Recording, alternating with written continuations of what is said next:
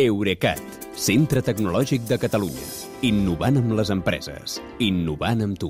Albert Cuesta, bona nit. Bona nit, Kilian. Ens ha fet gràcia això que explicaves a la portada, eh? de la manera com saltar-se la pressió empresarial, diguem-ne, d'alguns treballadors d'Apple que fan servir mòbils de la competència d'Android per poder-se organitzar sindicalment, eh? En concret són els empleats d'algunes botigues d'Apple als Estats Units. Eh, de fet, se sap que el sector tecnològic d'allà eh, que paguen molt bé els, el personal i està molt mal vist que el personal es sindiqui per reclamar millores laborals.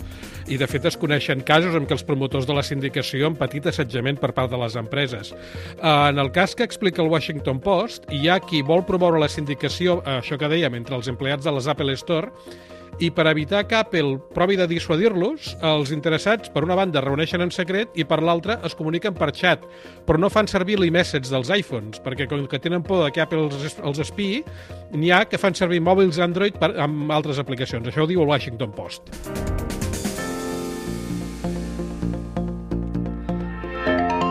I et sembla que tenen motius? Ja, uh, si vols que et digui, jo trobo que són una mica exagerats, perquè suposant que l'empresa els revisés els missatges, cosa que es vol suposar i només podria fer si fossin mòbils de feina, o sigui, propi, propietat de l'empresa, gestionats amb un sistema corporatiu centralitzat, ho podrien evitar posant eh, altres aplicacions tipus Signal o Telegram o WhatsApp eh, a l'iPhone, sense canviar de telèfon. Eh, jo crec que el més probable és que aquests telèfons que han vist els del diari siguin telèfons personals d'aquests que es llencen després, com fan els traficants i els terroristes, Sí. però en aquest cas, per evitar que els interlocutors eh, guardin el número del, de l'agent sindical a l'agenda amb el nom d'aquesta persona i que algú que ho vegi de passada pugui llegar caps de qui parla o qui s'escriu amb qui. Els que sí que s'hauran de conformar amb el mòbil que tenen, sigui l'iPhone o l'Android, són els fans del BlackBerry, eh? Sí, perquè finalment no hi haurà cap BlackBerry compatible amb 5G. Uh, BlackBerry ja fa molts anys que no fabrica telèfons, però l'empresa Onward Mobility li havia llogat els drets de la marca per fer-la servir amb telèfons mòbils i havia promès treure l'any passat un BlackBerry amb el teclat físic que ens tenia tan enganxats alguns però en aquest cas adaptat a les noves xarxes 5G. Finalment això no passarà perquè han abandonat el projecte. També t'he de dir que dubto que aquest telèfon hagués tingut èxit perquè si arribés a sortir hauria portat el sistema Android, que no està precisament pensat per ús de, de teclat físic. Jo recordo que l'empresa xinesa TCL que és la mateixa que fa els mòbils Alcatel, ja va treure l'any 2018 un mòbil Android amb teclat físic i marca BlackBerry i va ser un fracàs.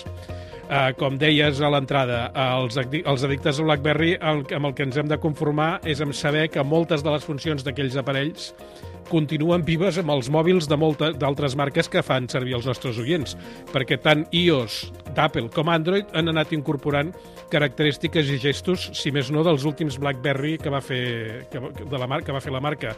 I això passa, per una banda, perquè han fixat antics empleats de BlackBerry, o per altra, perquè directament Apple i Google han copiat les funcions dels BlackBerry amb tota la barra. I, i t'he de dir que, francament, que tant de bo en copiessin més, perquè amb els telèfons eh, 5G actuals jo encara hi trobo faltar coses que el meu BlackBerry del 2013 feia perfectament. És l'amor incondicional, això, Albert. Eh, sí. Moltes Sí, sí. gràcies i fins demà, que vagi bé. Bona nit, Kilian. Eurecat, centre tecnològic de Catalunya. Innovant amb les empreses. Innovant amb tu.